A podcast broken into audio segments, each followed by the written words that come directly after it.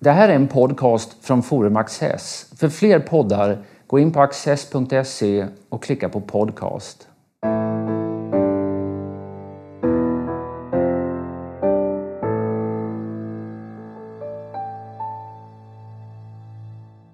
Välkomna till Studio Access. Idag ska vi prata om läget i svensk politik med lite breda penseldrag. Och det gör vi gärna och igen med PM Nilsson som är politisk redaktör i Dagens Industri. Varmt välkommen. Tack. Du var hos oss senast i mitten av oktober. Och eh, då hade precis decemberöverenskommelsen fallit och vi pratade en hel del om det. Men sen dess är ju det stora som har hänt hela omläggningen av migrationspolitiken i Sverige. Integration och migration har blivit en jättefråga som dominerat. Och både regering och Moderaterna i varje fall har lagt om kurs. Jag tänkte vi skulle prata lite grann om konsekvenserna utav detta.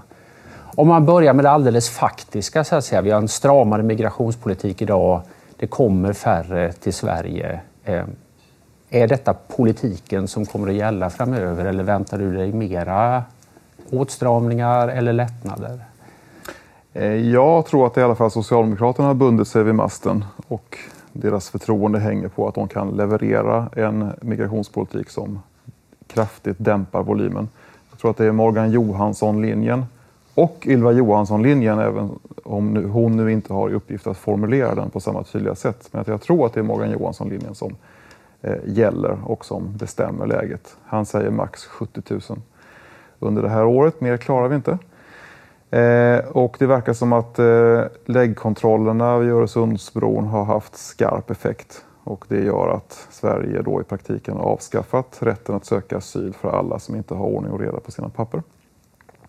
Och det har drastiskt dämpat eh, inflödet. Sen så har de olika ländernas politik på vägen också säkert dämpat inflödet. Jag kan inte det där riktigt. Men det är klart att om Österrike nu har en annan politik också så betyder det en hel del. Och dessa stängsel på Balkan och så. Mm. Och vindläget över Medelhavet. Det här man har kallat Balkanrutten, alltså att människor tar sig upp genom eh, ja, länder i det forna Jugoslavien och sen Ungern och Österrike och sånt där. Den har ju stängts till vid ett antal olika gränser. Man vet ju aldrig vad som händer å andra sidan och som du säger, det är väderläge spelar in. Det har varit vinter nu och eh, när våren kommer då brukar alltid eh, också flyktingströmmen eller migrantströmmen tillta. Så att säga. Om den skulle öka, om trycket skulle öka, Tror du regeringen är beredd att skärpa åtgärderna? Ännu mer? Ja, det tror jag då att den är. Mm. Och jag tror till och med att Miljöpartiet kommer hänga med på det. Jag tror inte att regeringen spricker på det. Eh, om man kommer upp i de nivåerna, eller börjar närma sig de nivåerna som vi hade förra året, så är jag ganska säker på att majoriteten av väljarna kommer att uppfatta det som ett svek gentemot det som regeringen utlovade i höstas då man sa vi ska absolut inte ha ett nytt 2015. Vi klarar inte det. Eh, vi måste lägga om signalpolitiken och volympolitiken och berätta för världen att eh, eh det är ganska fullt på bostadsmarknad och på arbetsmarknad och framförallt i Migrationsverkets system. Så att, det skulle överraska mig mycket om de signaler som MP nu sänder ut att snart kan vi återgå till och det kanske blir 150 000 till och så ifall det skulle gälla. Det tror inte jag. Om vi pratar om Socialdemokraterna här, skulle det här betyda att de, det finns en känsla, i alla fall hos tongivande grupper där, att, att liksom man har kommit hem igen mm. Eh, i, i eh, migrationspolitiken?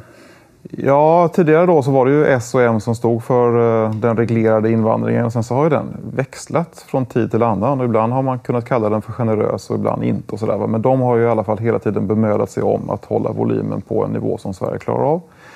Och sen så har de en känslig opinion inom sig som vi kan eh, kanske kalla för eh, LO-kollektivet som nu har visat att man minsann är beredd att gå till eh, SD ifall eh, moderpartiet inte gör som man tycker. Mm. Och det har man gjort. Och det där har ju stökat om opinionsbildningen och det politiska läget för hela arbetarrörelsen. Och det är stora, viktiga LO-förbund numera där en majoritet av medlemmarna röstar på Sverigedemokraterna. Och det är ju naturligtvis på sikt väldigt farligt om det består. Så att på samma sätt som det är på liv och död för M att ta tillbaka väljare från SD så måste Socialdemokraterna få tillbaka sina LO-medlemmar. i alla fall till Vänsterpartiet. Hur ska man förstå det som har hänt? För jag menar, här fanns som du säger den här informella koalitionen mellan socialdemokrater och moderater. Och sen, eh, Det var ju M som övergav den. Ja, men... Ja, och varför gjorde man det? Jag tror att det, häng, det var två sammanfallande faktorer. Dels var det den unga generationen eh, muffare där det här var på allvar. För Reinfeldt så var det kanske inte det när han var ung på samma sätt. Men för hans generationskamrater så var den här frågan på allvar. Eh, och man eh, var väldigt kritisk mot den här järnpakten som man kallade det för. Och det var ett sätt för den unga M-generationen att vara internationalister på ett nytt sätt. Va? Och det här eh, var ju den tiden då vi gick med i eh, EG, sen EU och eh, så. Så att de hade ett slags patos där som var väldigt starkt och som var på allvar.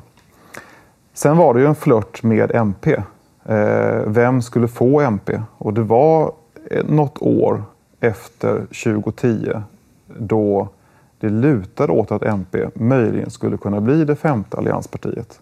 Ja, då man ingick den här uppgörelsen med det var det MP första, också. Det var det första eh, steget. Sen så blev det skifte på språkrörsposten och det kom två andra som eh, möjligen personligen inte kände sig hemma inom borgerligheten på samma sätt som de föregående.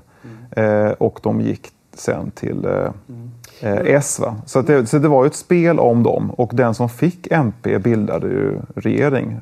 Eh, om eh, Reinfeldt hade lyckats i den där planen så hade ju Reinfeldt 3 regerat nu och MP hade varit ett integrerat parti i Alliansen. Nu har du förklarat varför Moderaterna gjorde som de gjorde. Och varför gjorde då Socialdemokraterna Nej, de gjorde inte det. De var inte med på den migrationsöverenskommelsen. Nej, men de som, anslöt som kom sig Ja, sen, sen. gjorde de det liksom för att, ja, varför gjorde de det? De, de, om, man, om, man, om man lyssnar på dem så var ju de ganska, bittra kanske inte är rätt ord, men de var, de var inte alls förtjusta i det som Alliansen och MP hade gjort. Eh, och de kände sig uteslutna och eh, det var inte de som hade bestämt detta, men de fick ändå liksom ta den stora smällen. Så att eh, ja, de, mitt intryck är att de bara, bara väntade på rätt tillfälle att eh, bli av med detta. Sen är det klart att när de, när de ingick då ett regeringssamarbete med MP så går det ju inte att inledningsvis riva upp en migrationsöverenskommelse som MP har med högern. Det ser väldigt illa ut om S gör detta. Mm. Men när, det väl, brin men när, men när ja. det väl brinner till så är ju Socialdemokraterna beredda att uh, sätta landets intressen före alla andra intressen. Och det är det som uh, är storheten med det partiet. Men förstår jag dig rätt att du tycker att, eller tror, menar att den här generösa, eh, ja, öppnare eh, migrationspolitiken numera ligger närmare till hands för Moderaterna än för Socialdemokraterna? Ja, det är ju en bra fråga. Eh, ideologiskt, ja. Det tror jag. Det, stora delar av Moderaterna har ju inga problem med eh, eh, stora klyftor i samhället. Eh, ett stort låglöneproletariat. Eh, ehm, någon slags variant av fri invandring och sådär. Eh, jag tror att de kan tänka sig ha det ungefär som anglosaxerna har det. Eh, med liksom moderata sin, politiker sin, eller moderata väljare? Ja, moderata politiker. En del av de moderata politikerna i alla fall. De moderata väljarna tror jag är väl liksom lite mer skeptiska. Förutom här i stan då i Stockholm. För det har ju gått oerhört eh, fort. Men, men, men, S, ja. men S och LO har ju aldrig haft några intressen av att ha så stor invandring. Det är ju farligt för lönebildningen i slutändan för de här grupperna. Mm. Och det märker man till exempel på eh, transport och bygg eh, där lönerna nu pressas av eh, olika typer av utländsk konkurrens. Och de går till SD direkt. Man kan säga att stora partier är ju också alltid koalitioner inom ja. sig. Och det är klart att de ser ut på lite olika sätt. I S har du dels det här LO-intresset men sen finns ju de, de, som är ideologiskt intresserade och inte kommer ur LO. Därför har det ju funnits väldigt mycket identitetspolitik och postkolonialism på sistone och sånt där. Så jag, jag, nu hör man ju ganska lite ändå i, i, i internt liv. Eller i och för sig sidoorganisationer, de här ungdomsorganisationer och broderskaparna och sånt här har ju varit väldigt kritiska mot den här policyomläggningen. Men på det stora hela har det ju ändå gått rätt smärtfritt. Ja, det har det. Ja, Betyder jag, det att det där var en... Om man läser eh, Stefan Löfven generöst så kan man säga att han ända från början startade en kampanj mot de här identitetspolitiska strömningarna i sitt eget parti ganska snabbt så gick han in i och betonade så klassiska socialdemokratiska värden. Vi ska ha ordning och reda i det ena systemet efter det andra har ju varit hans mantra. Eh, och eh, det var någon av Almedalssomrarna, om det var 2015 eller 2014 minns jag inte, då han mycket konkret liksom, betonade någon slags gräns och avståndstagande mot eh, de här yngre grupperingarna. Och jag tror att eh, de klassiska socialdemokratiska kärnväljarna har nog betraktat dem som mer, mer eller mindre galna. Och man har inte förstått riktigt vad det där Han är började väl lite svajigt där när han hade blivit vald eh, 2012. Då höll han ju något stort linjetal på kongressen han talade om att man måste, vi måste kunna se rasismen i oss själva. Och då var det ju ändå en, en, reporter på Ekot som frågade honom Jaha, hur är det med den egna rasismen. Då? Och då blev han helt ställd. Så ja, Så att, jag det. Han flörtade med den här eh, identitetspolitiken ja, lite också. Absolut. Men, den ja. kanske inte känns som att den kommer naturligt Nej, men eh, så. Som, alltså, om man ska tolka honom generöst så tycker jag ändå att det var, om man jämför med, med Salin som var mer bejakande mot eh, den delen av partiet så är det här en S-ledare som är mer stängd. Eh, ja, vi måste säga några ord om koalitionspartnern också, för det är klart att Miljöpartiet har ju haft en, en retorik i, i denna fråga. Ja, man kan ju säga att de har fortfarande en retorik i den här frågan som är väldigt idealistisk. Mm. Och, och, nu har vi en väldigt speciell situation där liksom statsråd som är kollektivt ansvariga för beslut från Miljöpartiet talar om att det här i stort sett är en ondskefull politik som kommer att göra människor illa. Är det, är det där hållbart? Det är intressant i alla fall som fenomen. I någon mening så vet ju alla att det är så som de säger. Eller hur? När man eh, har betraktat regeringar tidigare så vet man ju att det här är ett beslut som de egentligen inte eh, tycker själva, men som de är nödgade att ta. Mm. Eh, och då formulerar MP detta nu rakt och öppet. om, om det kommer fungera eller inte, det vet jag inte. Men eh, likadant där, om man ska tolka dem generöst så, så är det klart att de, eh, de, de öppnar någonting och eh, berättar någonting om politikens villkor som alla på något sätt har förstått. Då. Men, eh, eh så att, jag, vet jag är osäker på om man ska skälla på dem för detta. Man kan ju låta bli att vare sig skälla eller berömma dem. Man kan ju fundera på vad det får för konsekvenser. Man kan säga, varför, gör de, varför går de med på det här? Ja, de, därför att de vill, de vill visa sig regeringsfähiga. De vill visa att de står pall. Mm. Fast det gör de ju inte. Gör de inte det? De är, de, eh... ja, de är kvar i regeringen men de tar samtidigt avstånd från politiken. Tror du att liksom i, i väljarnas ögon att det gör att de framstår som mera regeringsdugliga?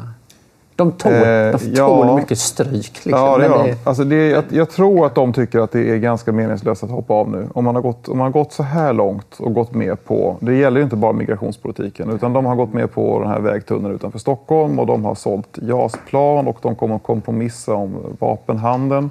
Eh, och Bromma flygplats ska vara kvar. Allt som de har gett sig på har de fått ge sig på.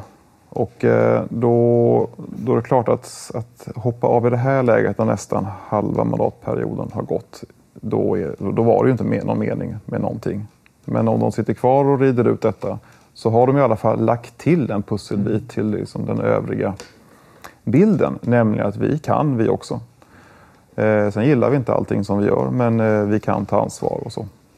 Alltså, I både Finland, i den förra regeringen och i Danmark, den förra regeringen, så pallade inte de här motsvarande partier. Utan de hoppade av under resans gång. Och i Norge så satt de i och för sig kvar då, eh, men överlevde sen nästa val med en hårsmån och blev väldigt nermalda. Och det går dåligt för MP-opinionen. Om de inte får något betalt, tror du de härdar ut då? Ja, jag tror att de gör det. Jag tror inte att eh, denna regeringen spricker på grund av att, eller att denna regeringen försvinner eller avgår på grund av att MP eh, hoppar av. Under hösten så lutade det ju åt det hållet. Men sen var de ju med. Och de är med nu.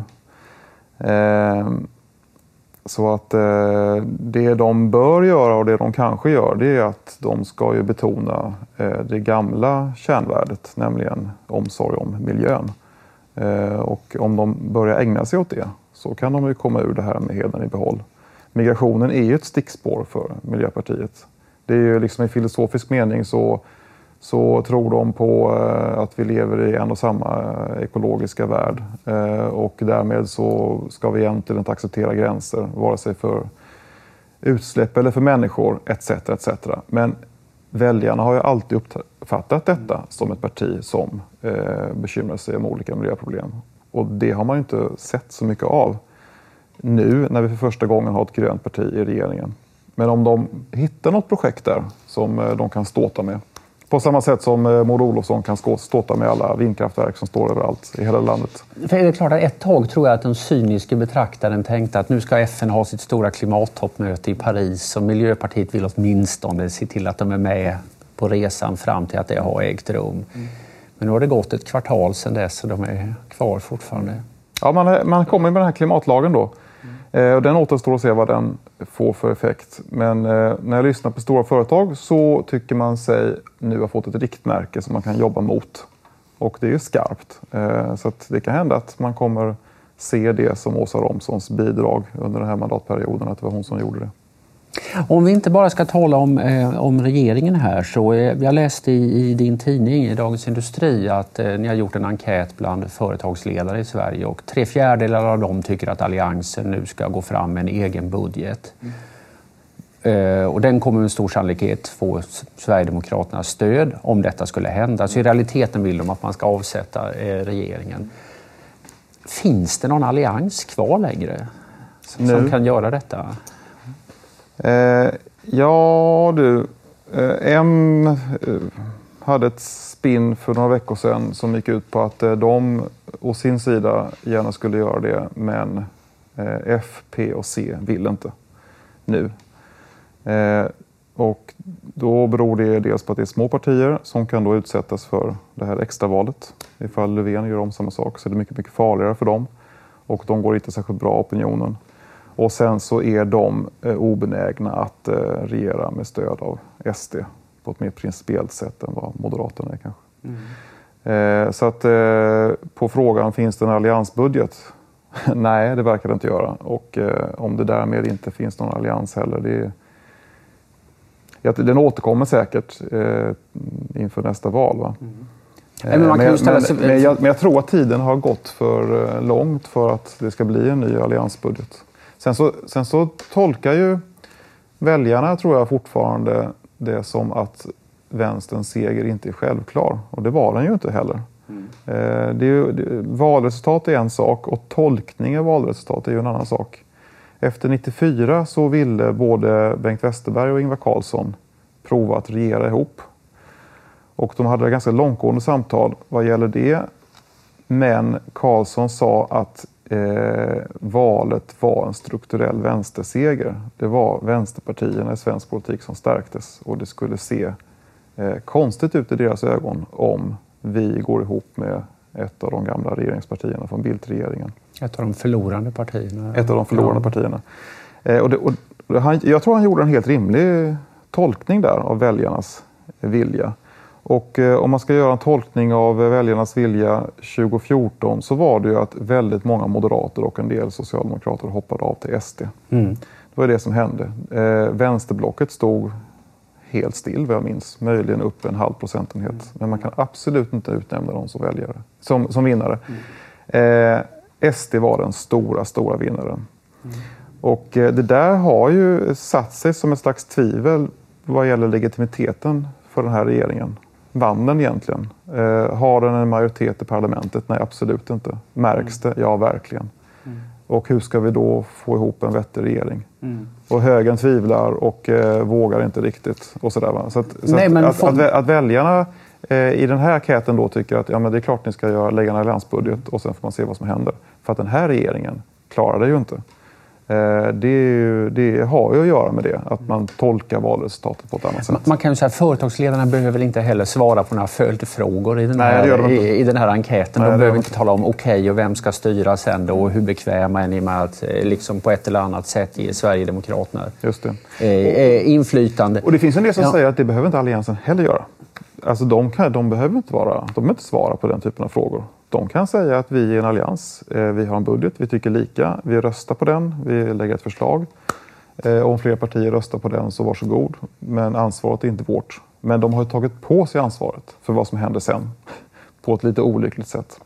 Man kan ju säga att det har funnits en paradox i hur Alliansen har förhållit sig. För å ena sidan har man varit väldigt noga med att säga att man inte vill ha någonting med Sverigedemokraterna att göra just när det gäller budgetfrågan. Men man har gladeligen fattat beslut om eh, massvis av sådana här tillkännagivanden i riksdagen som ju är en sorts påpekande till regeringen om vad den får göra och inte göra. Så i ena ögonblicket så vill man inte och kan inte tänka sig och i nästa finns det inga större eh, invändningar. Det, det, det, är inte helt glasklart Nej, från, deras, från deras sida heller. Vad borde de göra? Alliansen? Ja, eller, eller Moderaterna. Eller de andra för den delen. Mm. Du har skrivit om, eh, om liksom vikten av att man inte plockar isär regeringsmakten. Alltså att nej, att man inte, att man inte maler ner det. Ja, nej, nej ja. för det, de ger ett dåligt prejudikat där. För att, eh, om de blir största konstellation, som det heter nu för tiden, efter nästa val, som förmodligen är 2018, så kommer de utsättas för exakt samma typ av behandling av vänsterblocket plus SD. Mm. Eh, och eh, det är inte alls säkert att SD eh, har en grundläggande lojalitet mot allianspartierna eller mot eh, Eh, Moderaterna. Nu försöker man visa det. Man försöker visa borgerligheten att man är att lita på och att eh, man ska samarbeta med dem. Men om, om tålamodet tryter hos SD eh, och om LO-opinionen inom SD blir mer tydlig. På, arbetsmarknads, på det arbetsmarknadspolitiska området så är de ju glasklart på S-sidan i politiken. Eh, så tror jag inte att en ny alliansregering efter nästa val kan räkna med SD-stöd på samma sätt. Mm. Sen, så, sen, sen kommer en alliansregering ha ett centerparti som i alla fall inledningsvis kommer vara i samma position som MP var då eh, från början, nämligen ett eh, invandrarliberalt parti. Och eh, Moderaterna har inte visat att man är beredd att mala ner dem på samma sätt som S har gjort med Miljöpartiet. Så att det kan ju hända att delar av SD tycker att eh, S är att föredra faktiskt. De har ändå visat under hela mandatperioden att de har tagit otroligt tuffa beslut och de har tryckt tillbaka MP och Desina som har velat ha mer generös eh, migrationspolitik. Så det är farligt för Anna Kinberg Batra att gå in för att bara jävlas med den här regeringen utan att bidra med något, någonting konstruktivt. Då tror jag det är klokare av henne att göra som eh, Ingvar Carlsson igen gjorde under den ekonomiska krisen när Bildt-regeringen satt vid makten. Nämligen att eh, hjälpa dem på ett sätt som också gjorde att han behöll sin integritet på något sätt som oppositionspolitiker. Eh, och, sen, och sen bädda för en mer fruktbar eh, valseger efteråt. För om man tänker på perioden som återstår, det är ganska lång tid till nästa val. Ja. Det är två och ett halvt år. Det, det kan hinna, det, det, är bra om det förs vettig politik mm. under, denna ja, långa, under denna långa period. Ehm, och jag tror, mitt intryck är att det finns en opinion i Sverige som tycker att liksom S och M borde kunna mötas i ett antal tunga, viktiga eh, frågor. Eh, men de har ju dels oerhört svårt att hitta fram till varandra. Eh, och, eh, och så finns MP som en komplicerande faktor mm. Eh, dessutom. Mm. Tror du att M mäktar med liksom att svälja stoltheten och i, mm. i, någon mening göra vad som kan beskrivas som att man ställer sig till Stefan Löfvens förfogande? I rätt frågor så tror jag att det skulle väcka sympati. Vad gäller migrationen så tror jag att det skulle väcka sympati. Mm. En faktor för Löfven har ju varit att om man misslyckas med att trycka till MP och de verkligen hoppar av, eh, då kommer Moderaterna välta ut regeringen. Och eh, då tror jag att det är klokt att M eh, gör klart att det kommer vi inte att, vi kommer inte att göra det. Tvärtom så kommer vi stödja en, en, en ensam S-regering och göra upp om migrationen och andra frågor. Eh, sen behöver ju migrationspolitiken en bredare uppgörelse och där tycker jag absolut att eh, M bör eh, bidra. Och eh, det bästa är om M och S gör upp om detta. Mm. För tendensen just nu kan man väl säga att, att, att liksom nerven i politiken håller just nu i alla fall på att flytta lite ifrån migrationspolitiken, inflödet i landet, till integrationspolitiken. Det har kommit väldigt många människor. Hur ska vi eh, göra det bästa utav detta? Och detta ser ju uppenbarligen regeringen nu som en väldigt stor möjlighet. eh, att liksom åter polarisera debatten mm. i mer känd terräng. Så att säga. Det är låga, ska ni sänka våra löner och fackliga rättigheter och Löfven ska gå till anfall för svenska modellen och sånt där. Det känns inte som att om Moderaterna redan är en rätt sval eh, partner här så känns det ju inte som detta är rätt sätt att öka lusten och hitta fram Nej. någonting. Det finns ju en dynamik i det där också. En, en del socialdemokrater säger att eh, det är lättare att göra upp med en eh, tydlig motståndare eh, än med någon mm. mer närstående. Eh, och jag hamnar hela tiden hos Ingvar Carlsson märker jag, men, men återigen, han var ju en tuff oppositionspolitiker mot Bildtregeringen. Men han gick ändå till Rosenbad och gjorde upp eh, när det behövdes. Mm. Mm. Eh, sen kan man väl säga att det råder just nu ingen kris i Sverige på samma sätt som det gjorde, mm, gjorde då. Eh, migrationspolitiken är politiskt i alla fall över. Eh, sen i ja. sak så verkar den liksom ja. hela tiden. Va? Men, eh, men, och den, det finns ingen ekonomisk kris och sådär. Så, att, så det är kanske är svårmotiverat. Men, men jag tror att M gör klokt i att investera i eh, sin regeringsduglighet. Det är därför de kommer väljas nästa gång om de vinner.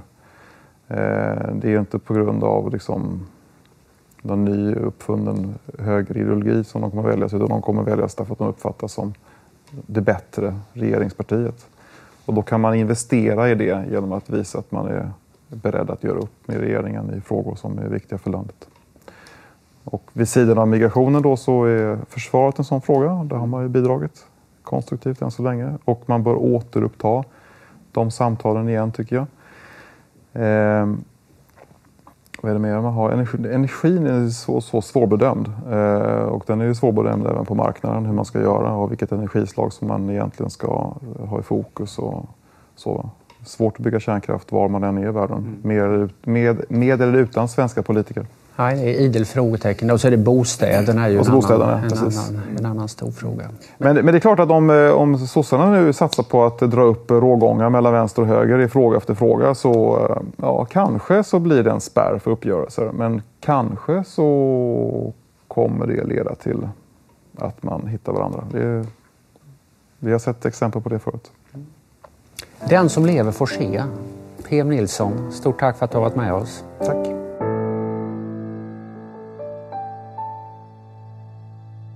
Och här kommer några extra minuter med mig och min gäst. Nu har vi pratat jättemycket om Sverige. Men det är också en tid när det sker mycket i världspolitiken. Och vi har fenomen som eh, Trump i USA, eh, Putin, eh, en oberäknelig aktör.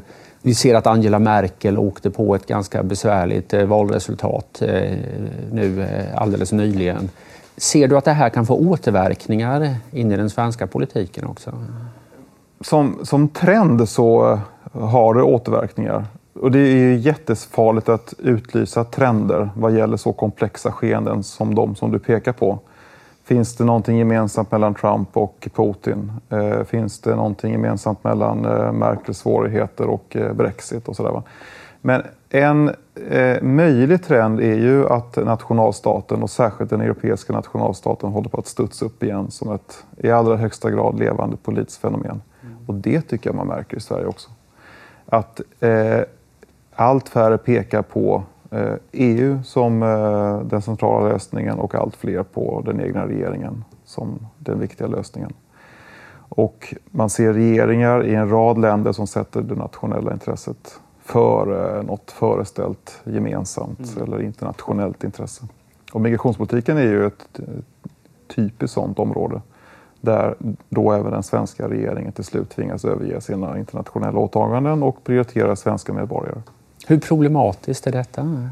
Både och tror jag. Eh, det, det, det kan ju vara problematiskt ifall, eh, ifall eh, Europa blir en eh, världsdel med ett konglomerat av stora och mindre nationalstater som mer jobbar själva eller för sig själva eh, och mindre för det gemensamma. Så någon typ, alltså konfliktytorna kommer ju öka. Men eh, man ska heller inte vara alltför rädd för nationalstaten som politisk basen då, det är ju den enda vi har. Vi har ju ingen eh, europeisk demokrati att tala om. Det finns ingen eh, pan-europeisk demokratisk mekanism som upplevs som legitim och som är oberoende del, eh, medlemsstaternas demokratier. Nej, det är väl fler. Alltså, man kan säga nationalstaten att, eh, att eh, den är i många avseenden för liten nu för tiden. Men det är samtidigt, precis som du säger, det är dels där det faktiskt kan hända saker. Mm. Det är där man kan agera mm. på ett kraftfullt sätt. Så att när britterna säger att vi tror inte på det här så, så har de ju mycket gemensamt med inte minst skandinaver mm. som eh, avvisar federationen i stort och smått och eh, symboliskt genom att säga nej till det gemensamma myntet. Och eh, Skandinavien är ju ett område i Europa som är väldigt nationalstatligt och alla de här viktiga gränserna, med NATO eller inte, med euron eller inte, med EU eller inte, eh, splittrar den här regionen. Mm. Men det är ju en välfungerande region. Det är ju en av världens rikaste regioner. Med lyckliga befolkningar och eh, välfungerande samhällen. Och mm. så och sofistikerade ekonomier. Så att man behöver ju inte vara rädd. Man kan ju tala om eh, en skandinavisering istället för en balkanisering om man vill. Ja, i bästa fall. Man kan säga, då får man titta lite på det långa historiska perspektivet ja. också. Då kan man säga att de här nordiska länderna har ändå kunnat umgås under mycket fredliga former under väldigt lång tid mycket. nu. Ja. Eh, och eh, Men... sinsemellan har det varit liksom fredligt i 200 år. Men om man tar då, för den nationen som det hänger på ändå, det är ju den tyska. Mm. Eh, och jag har väldigt svårt att se att de eh, någonsin, om man får sträcka sig så långt, skulle överge demokratin som eh, ett grundläggande fundament i samhället. Eh, nu så mm, kommer det här Alternativ för Tyskland upp som fenomen. Eh, det var från början en slags junilistan-parti. Eh, och sen så har det fyllts på då av eh, migrationsfientliga eh, röster och krafter och sådär. Men eh, jag tror inte att man behöver vara liksom rädd för den tyska nationalstatens återkomst. Jag tror att den kommer vara demokratisk, fredlig, samarbetsinriktad. Så att, men vad man skulle det, är vilja inte, det, är inte ha... alls, det, är inte, det är inte alls säkert att man behöver vara så svart. Så. Ja, men vad man skulle vilja ha är ju är väl helt enkelt ett, ett europeiskt samarbete som präglas av subsidiaritetsprincipen mm. som det har talats så mycket vackert om. att det finns gemensamma angelägenheter och de är, finns det poänger med. Det är bra med en inre marknad till exempel, de här länderna emellan. Eh, och sen finns det saker som är väldigt nationella till sin karaktär och, och de är det nog lämpligt än under överskådlig framtid att hantera på nationell eh, eh nivå. Men, men eh, att det finns så att säga, någon bra, ett bra balans ett system med en teoretiskt bra balans där mellan nationellt och övernationellt. Det är inte riktigt detsamma som att man hamnar där. Eh, man, man har ju sagt så länge att EU eh, e faller om det inte går framåt. Det är som en cykel ja. som inte kan stå stilla. Och, och, absolut inte kan backa. Och det har ju varit liksom en dogm sådär, som federalister som jag har sagt nu i ett kvarts sekel. Men det är inte säkert att det stämmer. Mm. Det är ju inte säkert att eh, den här rekylen vi ser nu innebär det europeiska samarbetets undergång. Mm. Det man de facto kan säga det är att de europeiska befolkningarna inte vill ha en europeisk överstat. Så fort man frågar dem så säger de nej. Jag tror att Luxemburg har sagt ja, det är den enda. Men det är väl naturligt att du som liksom mycket inbiten cyklist mm. väljer den här eh, metaforen. Då. Att man kan stå stilla. Jag är mera fotgängare och, eh, och jag, jag, tycker att man... Jag kanske står stilla. Jag bakåt, det är ju liksom, låter lite pejorativt. Men jag tror, vad man framförallt måste vänja sig vid är, tror jag är ett Europa i, i som man säger, ja, variabel geometri hette det på den här hemska Europaprosan. Mm. Att man, Vissa länder samarbetar om vissa saker och, och konstellationerna ser lite olika ut i rättsfrågor, i passfrågor och i eh, ekonomiska frågor, valutan och sånt här. Det tror jag man måste vänja sig vid. Det, jag tror det är en omöjlig tanke att 28 länder och kanske flera framöver ska gå precis i takt hela ja, tiden. Och återigen, titta då på norra delen av Europa. Där har vi ju då eh, britterna inte med Schengen, mm. inte med euron, Eh, men den gemensamma marknaden vill de ha och, så där. och skandinavierna beter sig likadant. Så, så det, I, I, min det... fråga det här om Trump och Putin och, och, och alternativet för Deutschland och sånt där, där ligger väl ändå någonting att liksom, här finns en sorts du har rätt, tror jag. Att man, det är lätt att försöka leta upp den gemensamma nämnaren och sen säga att den är viktigare än allt det som skiljer dem åt. Det kanske är ganska olika strömningar, men det kanske också finns gemensamma drag här. Att med en lite backlash för den här eh, ja, mest entusiastiska globaliseringen. Mm. Och, och, då är frågan, finns den i Sverige? Och, ja, ett mer auktoritärt eh, styre? Ja, det, jag vill alltså ta Sverigedemokraterna. Så mycket. Hur mycket, vad har de gemensamt med Donald Trump och Vladimir Putin? Alltså Putin är väl ett utslag för rysk expansionism. Va? Klassisk eh, historiskt drag vad gäller den här nationen. Och eh, att de inte erkänner grannarnas gränser och att de säger att ryssar i, nu senast sa de att ryssar i Tyskland står under eh, Rysslands beskydd. I ett grovt, eller besvärligt våldtäktsfall så var det en rysk flicka som eh, Ja, det, var, det är väl mycket oklart, ja, det var oklart vad som om hände. det hade ägt rum ja, överhuvudtaget. Men, men, men, men, det var ju, men det var ju liksom, det blev en rysk aktion som gick ända upp på, på utrikesministernivå på ett eh, otroligt besvärligt sätt. Va? Men då, sa, då uttalade ju de det här, eh, de här magiska orden att eh, ryssar i andra länder, då, Tyskland, står under ryskt beskydd. Och eh, det var ju så européerna tänkte en gång i tiden. Så tänkte ju svenskarna om svenskar i Finland. Så det är därför vi var där. Och så tänkte inte minst tyskar om tyskar på andra sidan gränsen.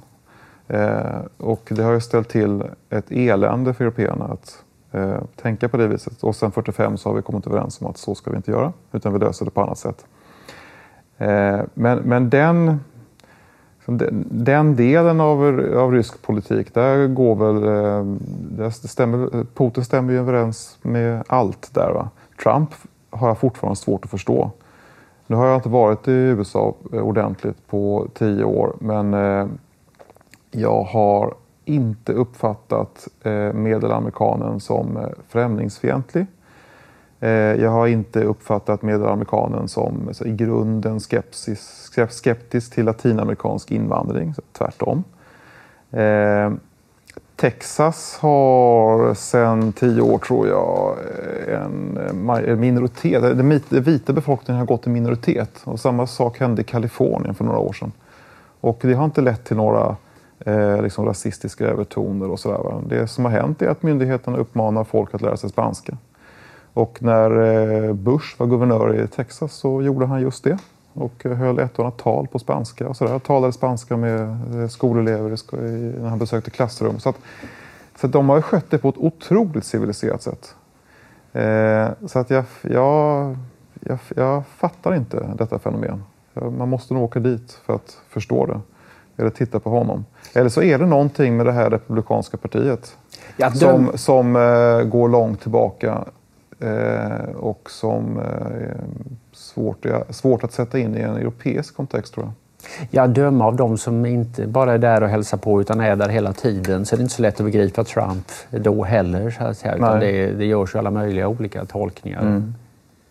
Det är trots allt en, en, en, väldigt liten del av eh, amerikanerna nu som röstar på honom i de här eh, medlemsvalen.